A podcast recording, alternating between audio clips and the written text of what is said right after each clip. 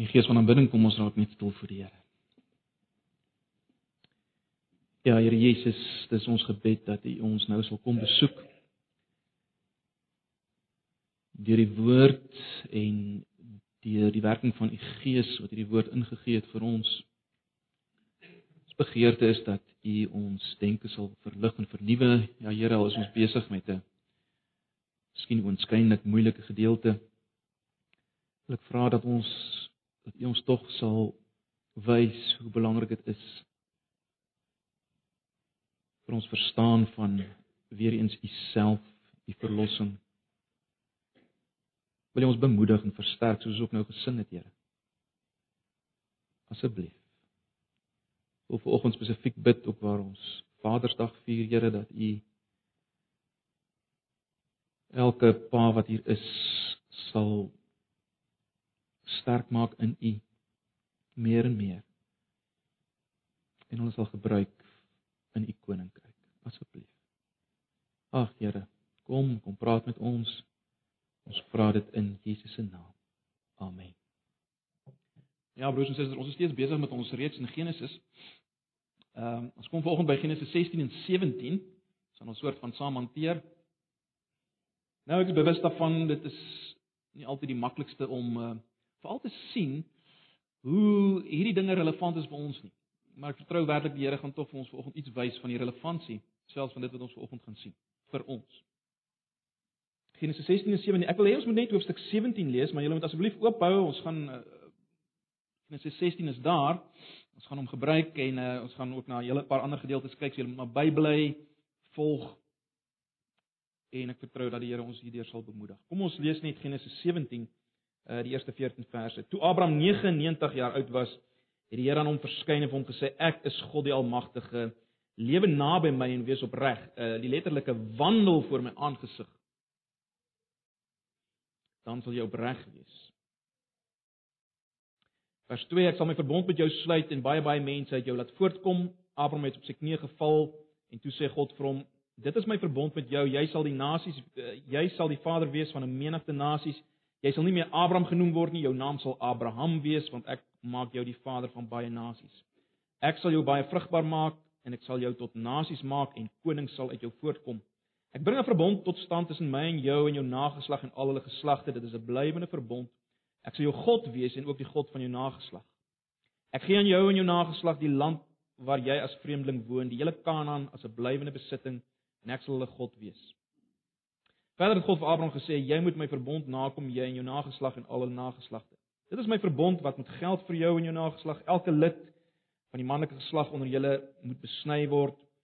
Julle moet besny word aan die vooruit. Dit is die verbondsteken tussen my en julle. Elke seun onder julle van 8 dae oud moet besny word.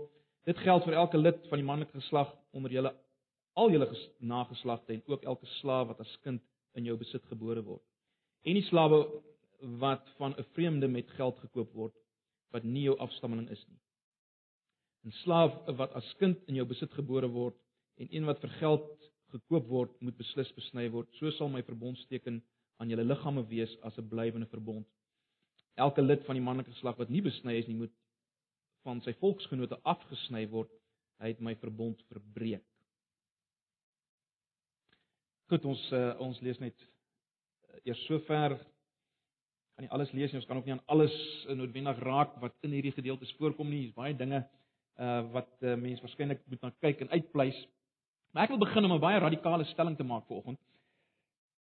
En hier is die stelling: Een van die redes waarom ons uh in ons Christelike lewens dikwels so min vreugde, let wel, een van die redes waarom ons in ons Christelike lewens so min vreugde en vryheid beleef is omdat ons nie die besnydenis verstaan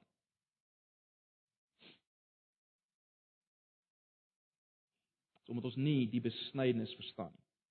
Ek wonder of julle al raak gesien het uh dat een van die groot probleme van Christene in die Nuwe Testament is jy's hierdie saak van die besnydenis. Het julle al opgelet? Dis 'n gesukkel met die besnydenis. Dis dan kan Galasiërs. Daar wou die Christene hulle weer laat besny en dan sê Paulus vir hulle in Galasiërs 5 vers 2 die volgende. Hy sê vir hulle: "Kyk, ek Paulus sê vir julle, as julle julle laat besny, sal Christus vir julle geen betekenis hê nie." Dis Galasiërs 5 vers 2. Dan weer in Kolossense skryf Paulus aan daai mense in Kolossense dat hulle moet verstaan dat hulle wel besny is. Luister na Kolossense 2 vers 11a. Ek lees net die eerste gedeelte doelbewus. Luister.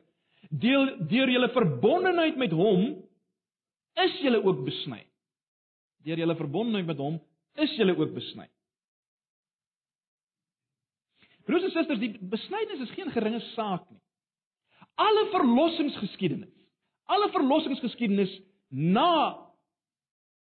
die besnydenis, die verbond met Abraham vloei hieruit voort.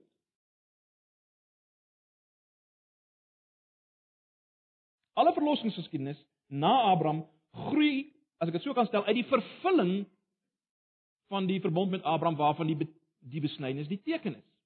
Dink daaraan, die ouens wat verlos is uit Egipte. Dit was ouens wat besny is. En aan hulle is weer die ou verbond of of, of met hulle is die ou verbond gesluit, verbond met Moses. Terloops, die twee goed is tog heeltemal twee verskillende goed, hoor. Verbond met Abraham, verbond met Moses is nie dieselfde nie. Baie ouens verstaan dit nie. Maar goed, met hierdie ouens wat besny is, is die verbond gesluit, die sogenaamde verbond van Moses of die Mosaïese verbond, uh met al die insettinge en verordeninge wat wat hulle gegee is, afgekondig is van die berg en uit die tent van samekoms ensovoorts. Maar die belangrike punt is dis dis ouens wat die nageslag van Abraham is, wat besny is. En dan weet ons almal wat verlos is in die Nuwe Testamentiese bedeling deur Jesus Christus, baie interessant, hulle word genoem in Galasiërs 3 vers 29 kinders van Abraham. Hulle word genoem kinders van Abraham. En ons het nou reeds gesien in Kolossense 2 vers 11a is mense wat besny is. Dis mense wat besny is. Kom ons beweeg nou na Genesis 16 en 17. Kom ons kyk eers na Genesis 17.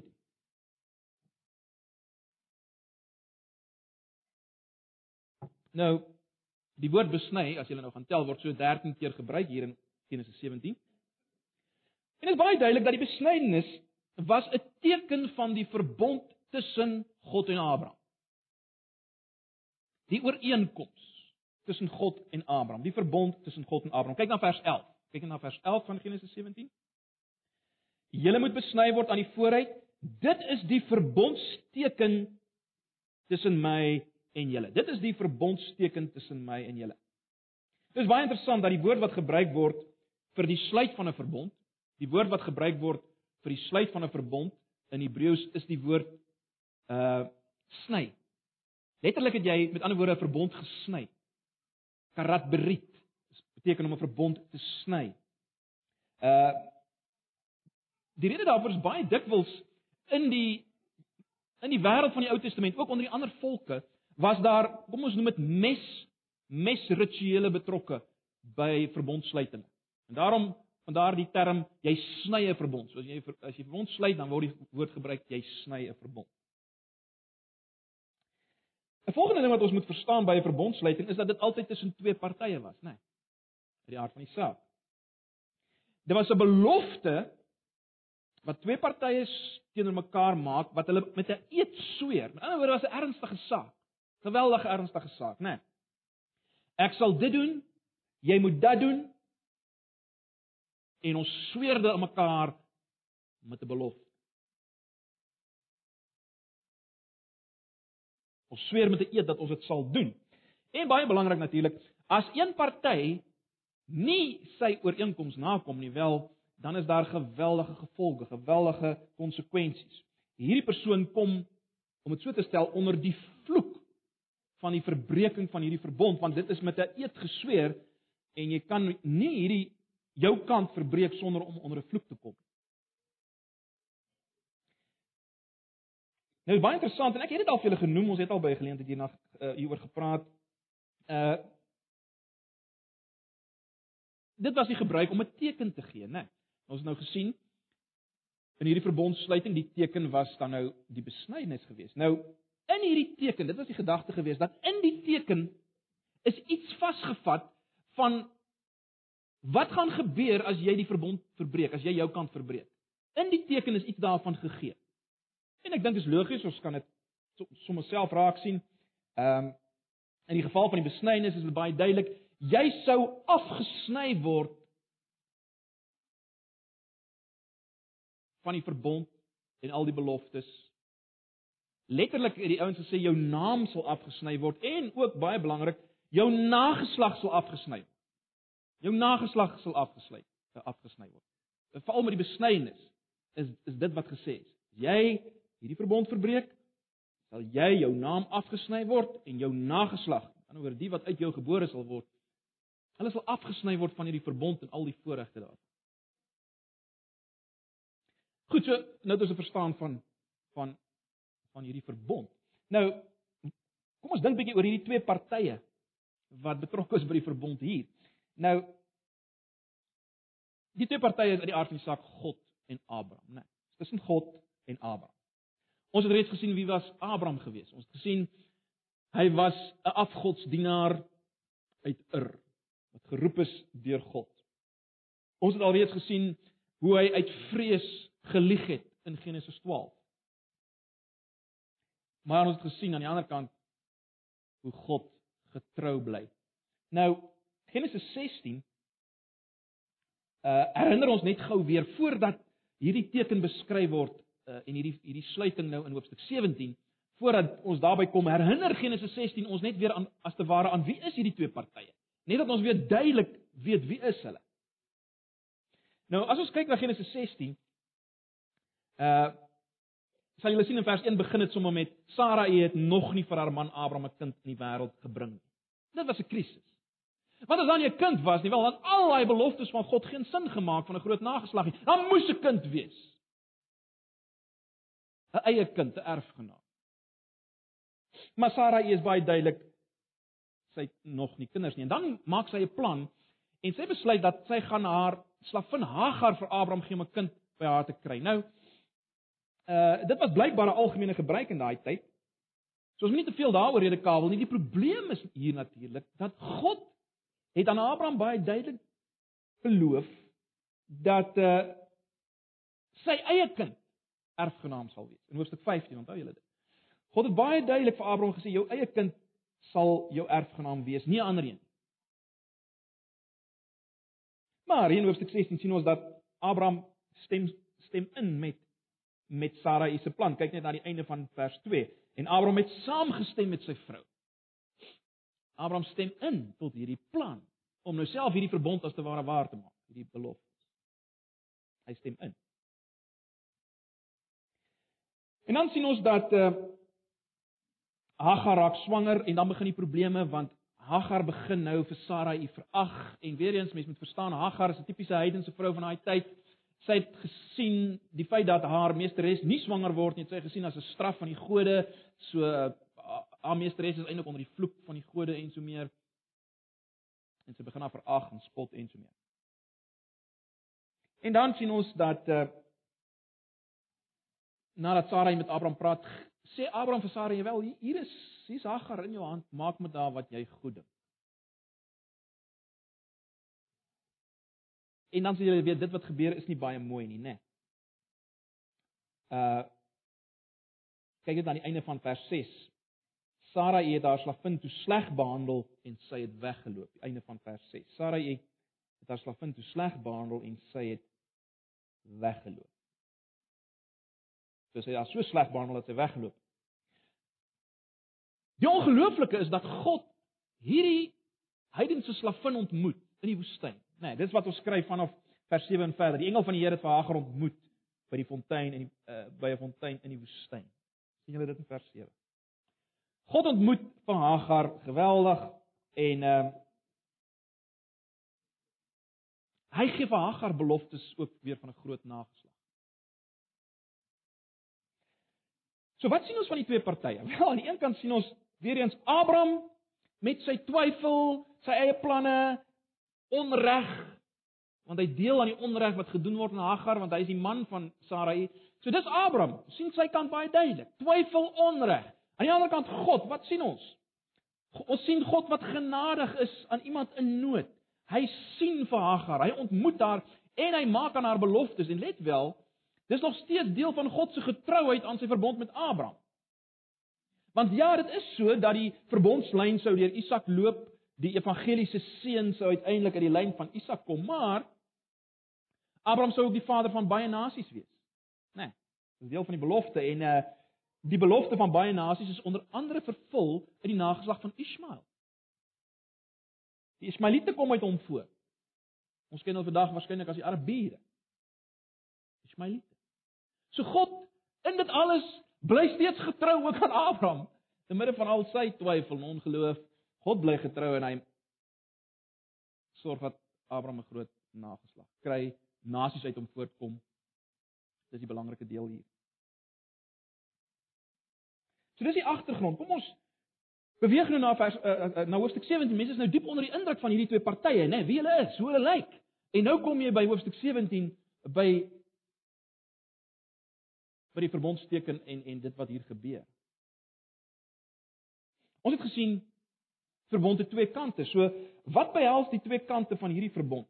Wel kom ons dink net aan God se kant. Waartoe verbind God homself? Wel uh in hoofstuk 17 brei God eintlik net uit op alles wat hy reeds gesê het, né? Nee, Julle sal onthou in hoofstuk 12 alreeds en in hoofstuk 15 sê God ek gaan vir jou land gee. Ek gaan jou groot nageslag gee.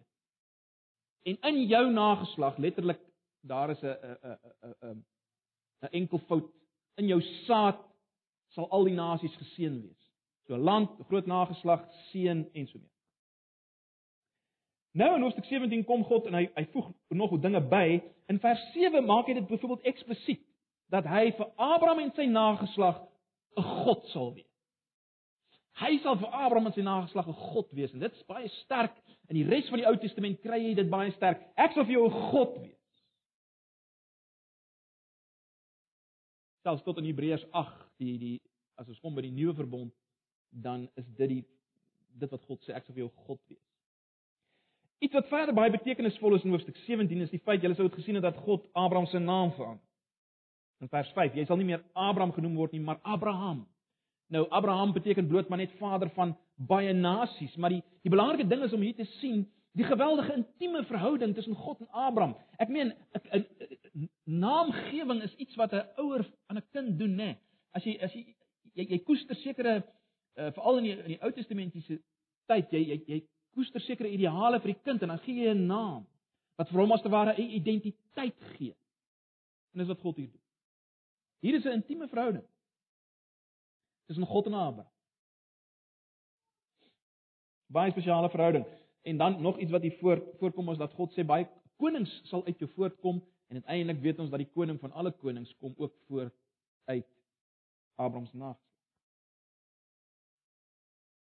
Wat is Abraham se kant?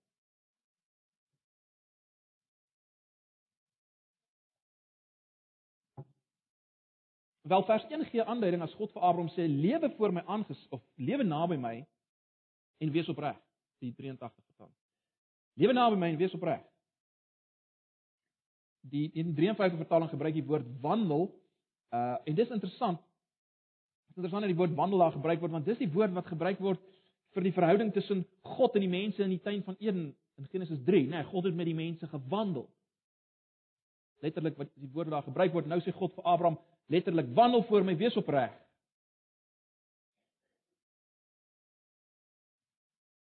En ek dink ons kan sê dis deel van Abraham die kant van wat Abraham moes nakom. Uh dis nie eksplisiet hier nie, maar ons weet in die res van die Ou Testament hoor ons gedurig ek sal vir jou God wees. Jy moet my volk wees. Jy moet my mens wees. En God sê hier vir Abraham lewe naby my wees opreg. Nou dis fascinerend as mens hierna kyk, is dit nie? Veral die woordjie opreg is fascinerend, is dit nie? Want in hoofstuk 12 het ons nou al reeds gesien dat Abraham nie opreg is nie, hy lieg. Hy lieg oor sy vrou, Sarai. En baie interessante ding is net hierna in hoofstuk 21 gaan lieg Abraham weer. Hy weer nie opreg. Hy weer nie opreg nie, hy lieg weer. En dit bring 'n mens by 'n vraag, maar hoe op aarde Hoe op aarde kon Abraham in 'n verbondsverhouding met God bly leef, 'n verbondsverhouding waarvan die besnydenis sê as jy nie jou kant nakom nie, dan word jy afgesny. Kom jy onder die vloek. Hoe op aarde kon hy bly leef met die teken van besnydenis? Hoe kon hy dit regkry? Kom ons blaai na Romeine 9 toe. Ag, ekskuus, Romeine 4. Romeine 4. Ek dink ons kry hier 'n aanduiding.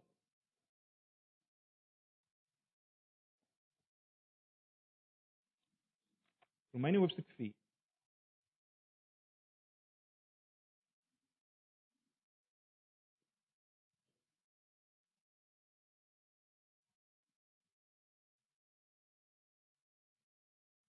Ek gaan al die vertalings lees.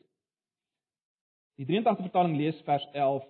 Hy, dis Abraham, het die besnydenis as 'n teken ontvang. Dis 'n seël wat bewys dat God hom vrygespreek het omdat hy geglo het toe hy nog onbesnede was. Kom ons lees net in die 53 vertaling vers 11. En hy het die teken van die besnydenis ontvang as 'n seël van die geregtigheid van die geloof toe hy nog nie besny was nie, dat hy die Vader sou wees van almal wat glo terwyl hulle onbesnede is, sodat ook aan hulle die geregtigheid toegereken sou word. Wat is die belangrike ding om hier raak te sien? Wat sê Paulus? Hy sê die besnydenis was die teken van die regverdig verklaring van van God se kant dat Abraham in 'n in die regte verbondsverhouding met hom is. Onthou julle ons gekyk na Genesis 15 vers 6. Die letterlike vertaling van Genesis 15 vers 6 is dat Abraham het in God geglo en dit is hom tot geregtigheid gereken. Genesis 15 vers 6 die letterlike vertaling soos ons dit in die 1953 vertaling kry. Abraham het in God geglo en dit is hom tot geregtigheid gereken. Ek het vir julle gesê wat dit eintlik beteken is God het hom gesien as in die regte verbondsverhouding met hom. Deur geloof. So dis waarvoor hy die besnydenis in die in die in, in die geval van Abraham voorgestaan het. Dis hoekom hy kon bly leef. Al het hy nie sy kant nagekom nie. Maar nou is onmiddellik die vraag, maar okay, okay, wag, wag, wag, wag, maar maar is God dan nie oneerlik nie? Hoe kan God die teken van die besnydenis gee en dan is Abraham word Abraham in die regte verhouding met hom gestel deur geloof? Ek meen hier is iets nie reg nie. God God maak nie reg nie. Hele besnydenis teken is dan 'n leuen eintlik.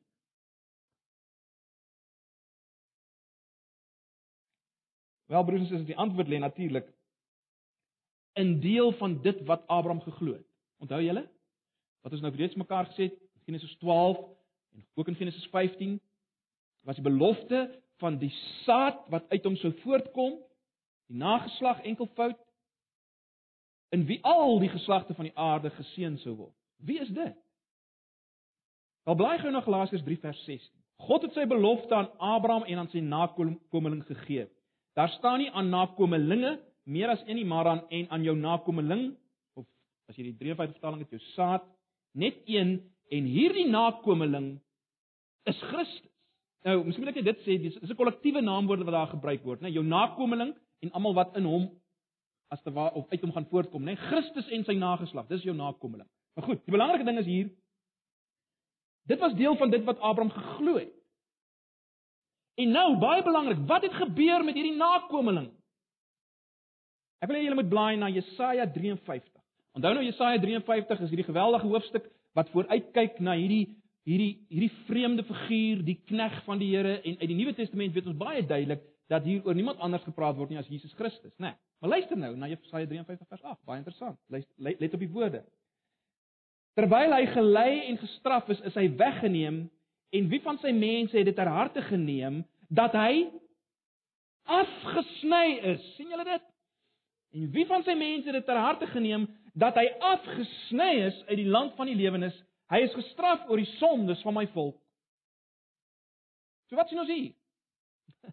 Hierdie nageslag van Abraham, hierdie saad, Jesus Christus volgens Galasiërs 3 vers 16, hy is afgesny.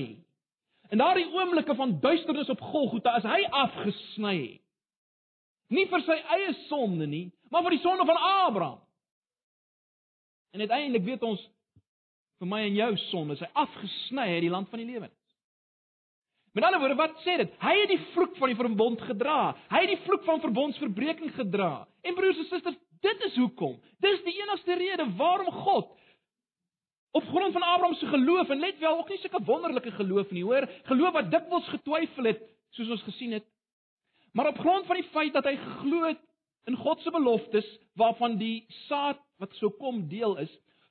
Dis hoekom God op grond van wat hierdie saad gedoen het, omdat hy afgesny is, omdat hy die vloek van verbondsverbreeking gedra het, dis hoekom God Abraham kon regverdig verklaar, in die regte verbondsverhouding met hom verklaar, al het Abraham misluk. Nee.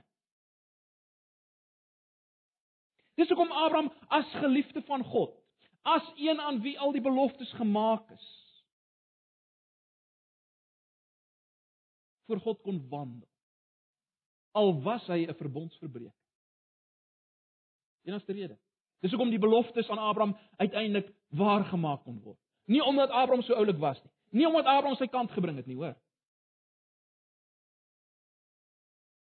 Omdat God dit gedoen het. Dit is baie interessant broers en susters as ons nou verder kyk om te verstaan wat God gedoen het onder die hele verbond van Moses. Wat doen God daar?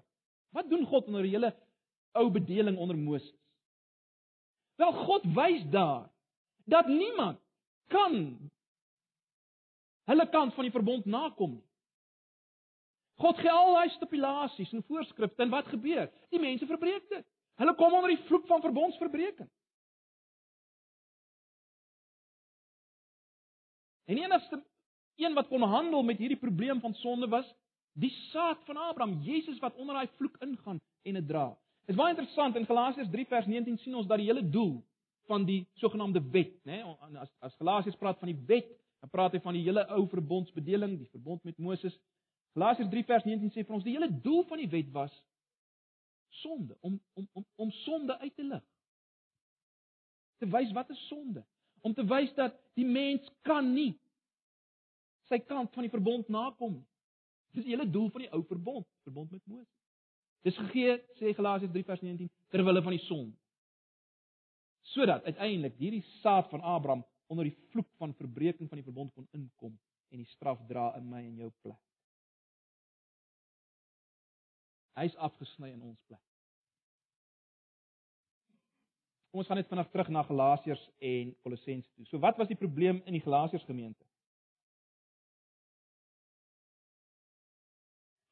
Wel, hierdie ouens het gedink as jy jou weer laat besny, dan is jy meer aanvaarbaar vir God. Hulle het nie besef dat die besnyning was 'n teken wat vooruitgewys het na wat Jesus sou doen. Hulle het dit nie besef nie. Hulle het gedink deur sekere dinge te doen, maak jy jouself meer aanvaarbaar vir God. Ja, dis goed en wel dat Jesus uh verkondig word en goed en wel om te weet wat hy gedoen het aan die kruis, maar ons moet daarom ook nog ons 'n uh, kantjie bring en ietsie doen dan uh ietsie fisies doen wat van wys ons is getrou. So kom ons laat besny ons. Galasiërs wys dis futiel. Om die waarheid te sê, jy trek 'n streep deur die werk van Christus as jy jou weer laat besny want hy is besny. Hy's afgesny. Hoekom wil jy jou weer laat besny? Dis dis die punt van Galasiërs, is dit nie? En nou as ons kom by Kolossense uh dan sien ons dat Paulus soos ek reeds gesê het vir hulle wys julle is reeds besny. Waarom wil julle nou allerlei dinge doen? Weereens ook om 'n dieper kennis van God te kry, om nader aan God te kom. Al daai dinge wat jy wil doen, al die feeste wat jy wil hou en die lewenstyl van raak nie, smaak nie, roer nie aan nie, waarvan hy praat daar vanaf vers 20. Ehm uh, Waarom wil julle dit doen? Julle is reeds besny. Kom ons kyk net weer na Kolossense 2. Kom ons lees dit vanaf vers 11. En dis 'n bekende gedeelte. Ek het al by 'n doopgeleentheid of wat hieroor gepraat. Kolossense 2 vanaf vers 11. Luister mooi. Deur julle verbondenheid met hom, dit is Jesus, is julle ook besny. Nie met die besnyning wat deur mense verrig word nie, maar met die besnyning Nou hier staan die besnyning deur Christus. In die letterlike vertaling in die 1953 vertaling staan daar die besnyning van Christus, die een waarvan ons nou net gelees het. Julle is ook besny uh nie met die besnydings wat deur mense verrig word nie, maar met die besnydings letterlik van Christus. En dit bestaan in die wegneem van die sondige natuur van die mens. Dit het by die doop gebeur deurdat jy so saam met hom begrawe is. Deur julle verbondenheid met hom is julle ook saam met hom opgewek omdat julle geglo het in die krag van God wat hom uit die dode opgewek het. Julle was dood deurdat julle gesondig het en deurdat julle sondige natuur nog nie weggeneem was nie. God het julle egter saam met Christus lewend gemaak deurdat hy ons al ons sondes vergewe het. Hy het die skuld bewys met sy eise teen ons tot niet gemaak Deur dit teen die kruis te spyker het hy dit vir goed weggeneem, hy die bose magte ontwapen en hulle in die open, in die openbaar vertoon deur hulle as gevangenes in die triomftog van Christus mee te voel. Wat sê Paulus hier? Kom ons maak probeer dit maklik maak. Hy sê luister, weet wat met julle gebeur het? Toe julle geglo het. Toe sien God julle as mense wat saam met Jesus Christus afgesny is, die vloek van verbondsverbreking gedra, die straf gedra het en julle saam opgewek met Jesus wat uit die uit die dood opgestaan het. Met ander woorde, julle ou sondige natuur, toe Christus daar gesterf het, toe hy afgesny is, toe is julle ou sondige natuur ook afgesny. Die ou mens wat julle was, is afgesny, weggesny. En 'n nuwe mens het opgestaan. En dan sê hy die doop was daarvan die teken. Net wel baie belangrik, die doop is die teken van hierdie innerlike besnydenis van Christus Die doop kom nie in die plek van die fisiese besnydenis nie, baie duidelik. Die doop staan in die plek van hierdie geestelike besnydenis. Die afsny saam met Christus, die besnydenis van Christus, die doop word daaraan gekoppel, maar dit net so terloop. Dis die teken daar.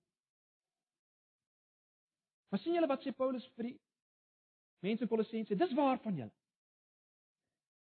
Die ou mens het gesterf, 'n nuwe een het opgestaan. Dis alles die werk van Christus. Lewe nou as nuwe mense. Dis hoekom hy kan sê, uh in vers 16. Daarom moet julle nie dat iemand vir julle voorskryf wat julle moet eet en drink nie, of wat julle die jaarlikste feeste of die nuwe maanfees of die Sabbatdag moet vier nie. Dis alles maar net 'n skaduwee wat van wat sou kom. Die werklikheid is Christus. Moenie dat iemand wat behaag skep en daarna in nederigheid en die aanbidding van engele en nie wat voorgee dat hy allerlei visioene gesien het, julle daarmee mislei nie. En dan gaan hy so aan. Vers 20. Julle het saam met Christus gesterwe en is dus dood vir die wettiese godsdienstige reëls van hierdie wêreld. Waarom lewe julle dan nog asof julle aan hierdie wêreld behoort? Waarom gehoorsaam julle allerlei voorskrifte soos hieraan mag jy nie vat nie, daaraan mag jy nie jou mond sit nie, daaraan mag jy nie raak nie? En dan sê hy, dis alles maar net dinge om jouself te laat goed voel. Jy sien die hele punt is jy het die besnydenis ontvang. Moenie besig wees met daai dinge nie. Leef 'n lewe van ware heiligheid. En dis waaroor hy praat van hoofstuk 3 af. Ware heiligheid bestaan daarin dat jy sal besef waar is jy saam met Christus en in die lig daarvan maak jy sekere dinge dood wat nie pas by jou nuwe lewe nie. Dis heiligmaking. Nie 'n lewe van raak nie smaak nie roer nie aan. 'n lewe vanuit jou besny met Christus. 'n Nuwe lewe. Ag broers en susters. Ek hoop julle sien hoekom dit van kardinale belang is dat ons die besnydenis verstaan. En daarom moet ons onsself vanoggend afvra: Is ek al besny? Is ek besny met die regte besnyding? Is ek besny met die regte besnyding? Wat kom deur die geloof in Jesus en wat hy gedoen het. En as jy besny is met die regte besnyding, is wel leef dan, as ek dit so kan stel, leef dan met die wete dat jy soos Abraham staan voor 'n God wat genadig is 'n God wat jou 'n nuwe naam gegee het, 'n nuwe identiteit. 'n God wat getrou is aan sy verbond ten spyte van jou ontrouheid. 'n God wat jou God wil wees. Besef dit vanoggend, hy wil jou God wees. 'n God wat al sy beloftes sal waarmaak in Jesus Christus ten spyte van jou en jou mislukkings, sal God dit waarmaak in Jesus Christus bloot omdat jy verbind is met Jesus deur die geloof. Daarom is dit so belangrik om te bly vashou aan Jesus deur die geloof. Besef dit, hy het die vloek in my plek gedra. En daarom broers en susters aan die ander kant natuurlik geweldig as jy as jy buite hom is. As jy buite hom is, kan jy nie staat maak op hierdie wonderlike dinge nie. Ja, as jy deel is, as jy vashou aan hom, dan kan jy weet hy hy tree ook teenoor jou op, uh, terloops, hy tree ook teenoor jou op soos hy teenoor Hagar opgetree het, né? Sien jou in jou nood, soos hy vir Hagar in die woestyn gesien het. Bemoei hom. Maar as jy nog buite staan, as jy as jy nog nie aan hom verbind is deur die geloof nie en jy stoot hom een kant toe en jy dink ag ek sal later met hom iets te doen wil hê. Nou wil ek nog maar maak soos ek wil, my eie dinge doen en my lewe geniet. As jy dit doen, is jou pad om self afgesny te word onder God se oordeel van verbondsverbreek. Luister net na vers 14 weer van Genesis 17.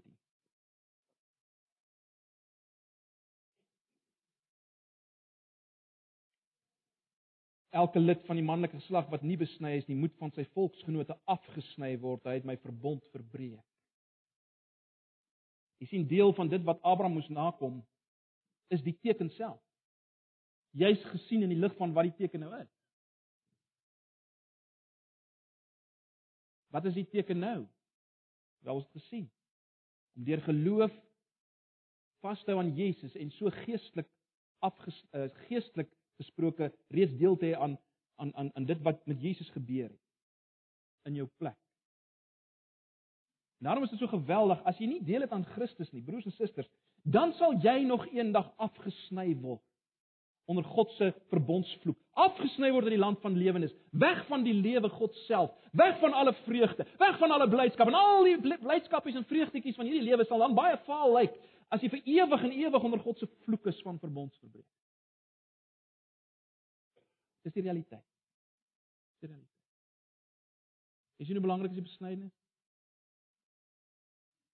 Dit saglik belangrik dat jy ver oggend sal weet ek is besny met die ware besny.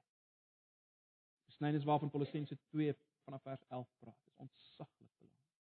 Mag die Here ons genade gee dat ons um, sal seker maak dat ons deel het aan hierdie besny. En dat ons sal lewe dan met vreugde, met vryheid wat die evangelie bring vir die wat besny is. Amen. Kom ons bid saam.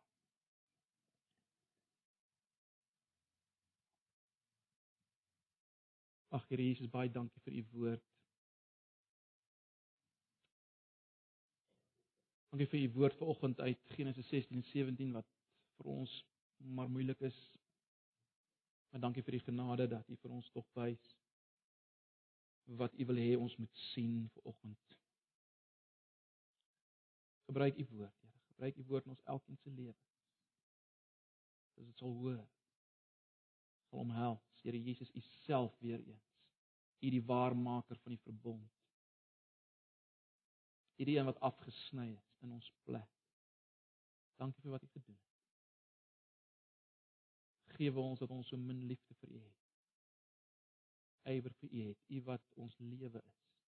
U wat die enigste rede is waarom ons ons met vrymoedigheid voor God kan leef ook vir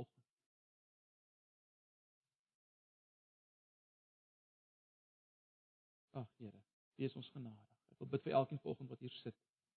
Elkeen wat U ken, maar ook die wat hier sit vanoggend wat nog nie die omhels het nie, vir wie U nog nie die lewe is, soos Paulus dit stel. Dat hulle lewe nog in ander dinge soek. Ek pleit U Here dat U hulle genadig sal wees. U hulle sal red. In Jesus se naam. Amen. Kom ons sluit af.